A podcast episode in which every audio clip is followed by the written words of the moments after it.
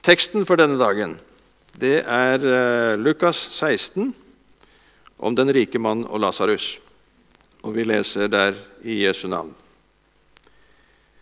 Det var en rik mann som kledde seg i purpur og fineste lin og levde i fest og luksus dag etter dag. Men utenfor porten hans lå det en fattig mann som het Lasarus, full av verkende sår. Han ønsket bare å få mette seg med det som falt fra den rikes bord. Hundene kom til og med og slikket sårene hans. Så døde den fattige, og englene bar ham til Abrahams fang. Den rike døde også og ble begravet. Da han slo øynene opp i dødsriket, der han var i pine, så han Abraham langt borte og Lasarus tett inntil ham. Far Abraham, ropte han, ha barmhjertighet med meg, send Lasarus hit, så han kan dyppe fingertuppen i vann og svale tungen min, for jeg pines i denne flammen. Men Abraham svarte, husk, mitt barn, at du fikk alt det gode mens du levde, og Lasarus fikk det vonde. Nå trøstes han her, mens du er i pine. Dessuten er det lagt en dyp kløft mellom oss og dere, slik at de som vil komme herfra og over til dere, ikke skal kunne det, og ingen kan gå over fra dere til oss. Da sa den rike, så ber jeg deg, far, at du sender ham til mine fem brødre hjemme hos min far for å advare dem, så ikke de også skal komme til dette pinestedet. Men Abraham sa, de har Moses og profetene. De får høre på dem. Han svarte, 'Nei, far Abraham, men kommer det noen til dem fra de døde, vil de omvende seg.' Abraham sa, 'Hører de ikke på Moses og profetene, lar de seg heller ikke overbevise om noen står opp fra de døde.' Herre Jesus, vi takker deg for ditt ord til oss. Vi ber om at vi må få ta lærdom av det og anvende det inn i våre liv nå og framover. Amen. Vi har et tema for møtene i Salem utover i høst. Det handler om en relasjon, og det handler om praksis. Det handler om en relasjon, det handler om praksis. Og På sett og vis så går denne teksten her også rett inn i det litt større hovedtemaet. Kapittel 16 hos Lukas det er på mange måter kapitlet om rike folk. Kunsten å være rik, eller smerten, faren, ved å være rik. I den, i den eh, første delen av kapitlet, kapittelet så forteller Jesus en lignelse om en rik mann som ble lurt trill rundt av sin egen forvalter, kan si økonomimedarbeider. Så ble det oppdaga, og han får beskjed om at du må slutte. Men før han slutter, så sørger han for å innkalle alle som har gjeld til arbeidsgiveren sin, og så skriver han ned gjelda betydelig. Og den rike mannen, når han oppdager må han innrømme at det var egentlig utrolig glupt gjort. Så det står at Herren roser ham. Og så er det som Jesus sier ironisk Skaff dere venner så de kan ta imot dere i de evige boliger når pengene tar slutt. Men det er en smertelig ironi i det, hører du, fordi det er ikke noe evige boliger, og det er ikke noe evig liv å kjøpe når pengene tar slutt. Og så sier han heller troskap i smått og troskap i stort er det som gjelder i Guds rike. Fordi fariseerne var tilhørere til dette her. Og de var pengekjære, står det, og de hånte Jesus. Men Jesus fremholder at i Guds rike, som er fortsettelsen av loven og profetene, der gjelder andre verdier og holdninger. De rike de lurer og blir lurt, og de lurer seg sjøl. Men i, i, i, Guds rike så gjelder det noe annet. Og Så kommer vi da i vers 19 til vår mann her som også er en rik mann. Kledde seg fint større, levde i fest og luksus hver dag, mens altså utafor porten så lå det en fattig mann, full av verkende sår som hundene slikka fra tid til annen. Han het Lasarus. Det er 'Gud er min hjelper'. Vel, faktisk den eneste personen som har fått et navn i Jesu lignelser. Han hadde ikke store krav. Han rigga seg til i porten og håp om å få noen matrester fra de overdådige måltidene i huset innafor. Eller kanskje en slant fra de mange som kom og gikk. Vi kan tenke på eh, tiggerne fra romafolket som sitter av og til utenfor supermarkedene våre. Begge døde, forteller Jesus. Engler plukka opp Lasarus og fraktet ham til Abrahams fang. Den døde ble stedt til hvile av sine egne, sikkert med en skikkelig minnemarkering med mye god mat og drikke. Til sin forundring og forskrekkelse våkna den rike mannen til store smerter og pine i dødsriket. Samtidig så kjenner han igjen tiggeren Lasarus langt der borte sammen med det som må være patriarken Abraham. Og da tar panikken ham. Smerten, varmen, er overveldende. Han ber innstendig om at eh, Abraham må sende Lasarus over og betjene ham med litt svalende vann. For han regner jo med at rollene nå i dødsriket det er det samme som i levende livet. Lasarus hadde jo alltid vært villig når han hadde helse til det, til å ta seg en strøjobb. Men Abraham svarer rolig. Nå, du rike mann, nå er situasjonen en annen enn den du tror. Du har hatt din tid mens du levde, og ditt gode mens du levde. Lasarus hadde det mye vondt, men nå har han det godt. Og Lasarus kan ikke hjelpe deg, enda om han ville. Du tok dine valg, og de kan ikke gjøres om eller repareres, og nå må du bære konsekvensene, sier Abraham til den rike mannen. Og den rike erkjenner det forferdelige. Men samtidig går det opp for ham at brødrene lever i det samme selvbedraget. Og nå vil han gjerne advare dem. Kan ikke Lasarus vende tilbake for å advare brødrene mine? Så har vi en løpende dialog med Abraham her. Brødrene dine kan ikke forvente spesialbehandling. De og andre i Israel har Moses og profetene som veileder klart nok. Den lidende mannen vil absolutt tro at et vitne, og endatil en de kjenner, om han kommer tilbake fra dødsriket, så vil det sikkert være mer overbevisende. Men Abraham avviser altså en slik tanke. Den som ikke hører Moses, profeter, Bibelen, vil neppe bli overbevist om noen sto opp ifra de døde. Så Dette er altså Jesu lignelse, og den tegner opp et veldig stort bilde og et stort lerret eh, som vi må begrense oss til litt å ta ifra. For det første eh, det er, en, det er flere personer her. Abraham, Lasarus. Men hovedpersonen i denne lignelsen er den rike mann. Og Jesus begynner sånn Det var en rik mann. Jeg tror ikke at han var en dårlig person. Kanskje. Eh, vi vet ikke hvordan han har fått sin rikdom. Men iallfall så, så, så er ikke det tydeligvis et poeng for Jesus her nå. Men han svikta i det at han levde uten tanke på sine fattige medborgere. Han kjente Lasarus, visste hva han heter for noe. Han hadde antagelig passert ham mange ganger. Ved et par anledninger kanskje han til og med hadde bedt ham kan du flytte deg litt lenger bort. Vi skal ha gjester. Ikke så nærme hovedinngangen, litt lenger bort.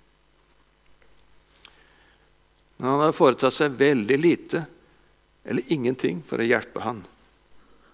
Kanskje han lukta fælt, Så jo ikke ut. Hadde ikke vaska seg. Er ikke dette vi har Nav for? I et annet rikmannskapittel hos Lukas forteller Lukas om Sakkeus. Og du husker det, Etter å ha hatt Jesus til gjest fikk han et nytt hjerte. Og Det første som skjedde med han, det er at han så folk rundt seg. Det første han sier han skal gjøre, halvparten av alt jeg eier, gir jeg til de fattige. Det var det første som skjedde med Sakkeus i den forvandlingen frelsen har kommet til dette hus. En annen ting jeg ser med den rike mann, han fikk brutalt og overraskende erfare at Moses og profetene hadde jo da hatt helt rett i at den evige skjebne var avhengig av å elske Gud og nesten. Du skal elske Herren din Gud, og du skal elske din neste som deg selv. Et grunnleggende bud i Israel som hadde helt eh, blitt avbleka. Og så kanskje de kom sammen i synagogen, og så sang de salmene. Og så hadde de sunget salme 73, hvor Asaf hadde skildra hvor vanskelig det er når han ser at den ugudelige lykkes så, så, så mye, mens den som vil holde seg nær til Gud, synes å mislykkes. Så står det inntil han gikk inn i Guds helligdom. Da skjønte jeg hvilken fremtid de får. Det er en sammenheng mellom å holde seg til Gud eh, og det som skjer i evigheten. Veldig klart i Det gamle testamentet. Den rike mann hadde ikke tatt hensyn til det, og nå så får han erfare konsekvensene. Og Det tredje jeg ser hos den rike mann Han hadde jo alltid opplevd at penger og gode forbindelser løste vanskeligheter. Men nå nytta ikke det. Kanskje han hadde alltid vært veldig god til å, å, å, å få til en avtale. Make a deal. Nå måtte han bære de evige konsekvensene av de valga og de deala han allerede hadde gjort. Det var ingen mulighet til å forhandle fram på nytt en ny, minnelig løsning. Døden og dommen var endelig og siste ord. Vi vet at det er en som ynda å si 'you're fired'. Kanskje han også var av den typen. Men nå oppdaga han det.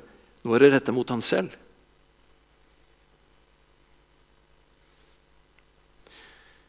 Kort om Lasarus. Han ble frelst. Hvorfor? Det forteller ikke lignelsen oss. Men neppe fordi han var fattig. Det at han var fattig. Liberal teologi for noen år siden hevda det, men det går imot hele Bibelens vitnesbyrd. I fortellingen har vi en, en, en, følelse av at han var en Lasarus i egentlig forstand. I betydningen en som stolte på Gud og holdt seg til Gud også i sin fattigdom. Igjen kunne vi peke på Salmenes bok, som han sikkert også har vært kjent med og som har vært en trøst for ham der han lå i porten. Som er full av ulike sanger der den fattige og svake klager sin nød, men allikevel blir hos Herren i, godt og vondt.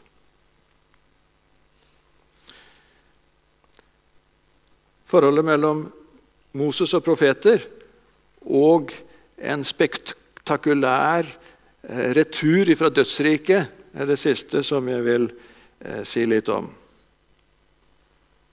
De rike mener jo det at hvis Lasarus kunne komme tilbake igjen, så ville brødrene tro. I Johannes 11 så er det jo faktisk en Lasarus som kommer tilbake fra de døde. Du husker den fortellingen? Jesu venn, Lasarus i Betania, døde Jesus drøye, og han hadde ligget fire dager i grava. Og Så kommer Jesus til plassen, og han går til grava og kaller Lasarus ut igjen. Det som skjedde da, var at de troende trodde, men de vantro, Jesu motstandere, de ble enda mer forherdet. Selv om de måtte innrømme at det hadde skjedd noe. Men det, ikke, det, var, det var ikke nok til å flytte de over fra vantro til tro. Så, så Det kan virke som om den rike manns håp om at brødrene ville, ville, ville eh, endre seg ved det, det har ikke feste i virkeligheten og det som faktisk skjedde eh, kanskje noe seinere. Eh, en lignende situasjon ser vi i apostelgjerningene 8. Der, der møter vi evangelisten Philip, som er i Samaria. Og eh, I Samaria så var situasjonen den at eh, det allerede var en trollmann der som heter Simon. Og Han overvelda folk med sine trolldomskunster. står det. Han var i stand til å og, og, og foreta tilsynelatende helbredelser og forskjellige inngrep ved hjelp av sin magiske eh, innsikt. Og Så kommer Philip og, og, og forkynner Jesus, og så skjer det under og tegn i hans forkynnelse. Og da føler Simon at hans eh, si, domene er trua. Her kommer en som overgår meg i kraftgjerninger. Og Når til og med da disiplene kunne be for de troende, og så fikk de oppleve Den hellige ånd, så blar han opp, trekker han Philip til side og du skal få en skikkelig pengesum av meg hvis jeg kan også få den kraften. Da ser jeg det at eh, for den som er på en måte fokusert på slike ting, så er det kraften, de magiske evnene, og muligheten til å bruke de på et eller annet vis, som blir fokus. Men husk på det handler om en relasjon. Jesus, eller Philip prekte Jesus, og det var i relasjonen til Jesus som alt dette skjedde. En tro mot det spektakulære, eh, mot en dødesoppvekkelse, det er tro rettet mot feil gjenstand, for det er Jesus som er troens gjenstand, ikke eventuelle Supermann-egenskaper som en måtte ha eh, eller ikke ha. Tro det er tillit til Gud og Jesus uansett. Det er det som er Bibelens budskap. Og Det ser vi. Jeg kunne ta flere tekster. Jeg har nevnt for dere før. Eh, jeg skal eh, trekke det fram igjen, fordi det har vært veldig hjelp for meg. C.S. Lewis har glimrende skildra dette i en bok, flere bøker, men f.eks. i 'Djevelen dypper pennen'. Djevelen dypper pennen. Eh, en liten parentes. Dere er klar over det at eh, i Nasjonalbiblioteket sin nettbase, som heter bokhylla.no, bokhylla.no, så finner du alle norske bøker gitt ut før 2000. Så du kan bare slå opp Louis CS, så får du alle bøkene som er gitt ut i Norge før 2000, og kan lese det inn på din datamaskin hvis du, har, hvis du oppholder deg i Norge. Reiser du til Sverige, og internettilkoblinga di er via en svensk eh, server, så blir du stengt ute. Du må fysisk befinne deg i Norge. Men da har du tilgang til alle bøker, så du trenger ikke kjøpe det. Hva sier, hva, hva, eh, og, det er altså en sånn glimrende som, som har gleda meg. Gud har ikke noe imot å overvelde sine litt til å begynne med. Overvelde sine litt til å begynne med. Men han overlater de snart til å stå på egne ben. Han vil lære dem å gå selv. Hvis bare viljen til å gå er virkelig til stede, er Gud fornøyd selv om de snubler og faller. Og den onde sak er aldri i så stor fare som når et menneske ser seg omkring i et univers der hvert spor etter Gud synes forsvunnet, og så spør han hvorfor har han forlatt ham. Og likevel adlyder han. Likevel adlyder han. Fordi troen retter seg mot Han. Det handler om en relasjon. Det handler om en relasjon. Da jeg var eh, relativt ung misjonsstudent, så reiste Johannes Selstø og jeg eh, bl.a. i Nordland og bodde i et hjem i Junkerdalen, som er altså dalføret som går fra Saltdalen og Fauske over til Arjeplog i Sverige. Der var det tre søsken. En av de hadde vært husholderske hos en mann som hadde helbredelsens nådegave. Jeg prøver å huske hva han het. Eh, jeg kommer ikke på det. Men kanskje noen av dere eldre kjenner til det. Eh, det er altså ikke Snåsamannen, eh, men han bodde utover mot Bodø. Men hun fortalte noe som forundra henne gang etter gang. Han selv hadde på en måte fått et valg. Du er syk, du kan få lov til å bli frisk. Eller du beholder sykdommen, og jeg gir deg eh, gaven til å hjelpe andre. Så valgte han det siste. Og han gikk med muskelsvinn, så han måtte hjelpes dere kan tenke dere hvordan det er, han måtte hjelpes eh, til alle ting som gjaldt å bevege seg. Det var derfor han trengte folk rundt seg hele tida. Og folk kom til han og ble bedt for. Eh, og mange fikk eh, veldig mye hjelp. Eh, til dels dramatiske. Det var krykker videre som lå igjen, som de hadde lagt ifra seg. Og husker spesielt en tømmerhogger sa hun, som, som hadde fått et tre over seg og var helt eh, lemlesta i armen. Og hadde da så klart helt ute av stand til å fortsette arbeidet sitt. Og Han ble bedt for, og han ble frisk. Men tro Nei. Dessverre. Og det var et, en voldsom smerte for den mannen. Og han, han, han, han, eh, ville så gjerne se at de kunne se Guds inngripen i dem med dette. Og så kom det ikke. Det var ikke bare eh, i Jesu lignelse, men du ser det opp igjennom at den som under og tegn, det overbeviser knapt den som ikke allerede Gud har fått i tale gjennom Moses profeter og sitt ord i Gamle og Nye testamentet. Det, det ser vi. Men da blir det eh, på en måte veldig viktig for oss at vi legger eh, Bibelen og, og, Guds ord i hendene på eh, folk, for det kan få de i tale. Og Jeg har lyst til å eh, bare trekke fram to ting, for jeg hørte i nyhetene nylig eh, ikke bare du som er blitt pensjonist, Nils. Det er en annen kar på samme nivå som deg, som heter Francis Collins. Han var eh, inntil nylig altså, sjefen for National Health Institute i USA. Eh, det er vel noe som Helsedirektoratet noen voldsomme bevilgninger som de kan dele ut. Men før han gikk dit, så var han forskningslederen som kartla det menneskelige DNA. Eh, gen, genkodene som er da i, i, mennesket. Som vel er eh, noe av det fremste eh, forskningsprosjekt som er gjort i, i, i biologien og, og medisin de siste åra.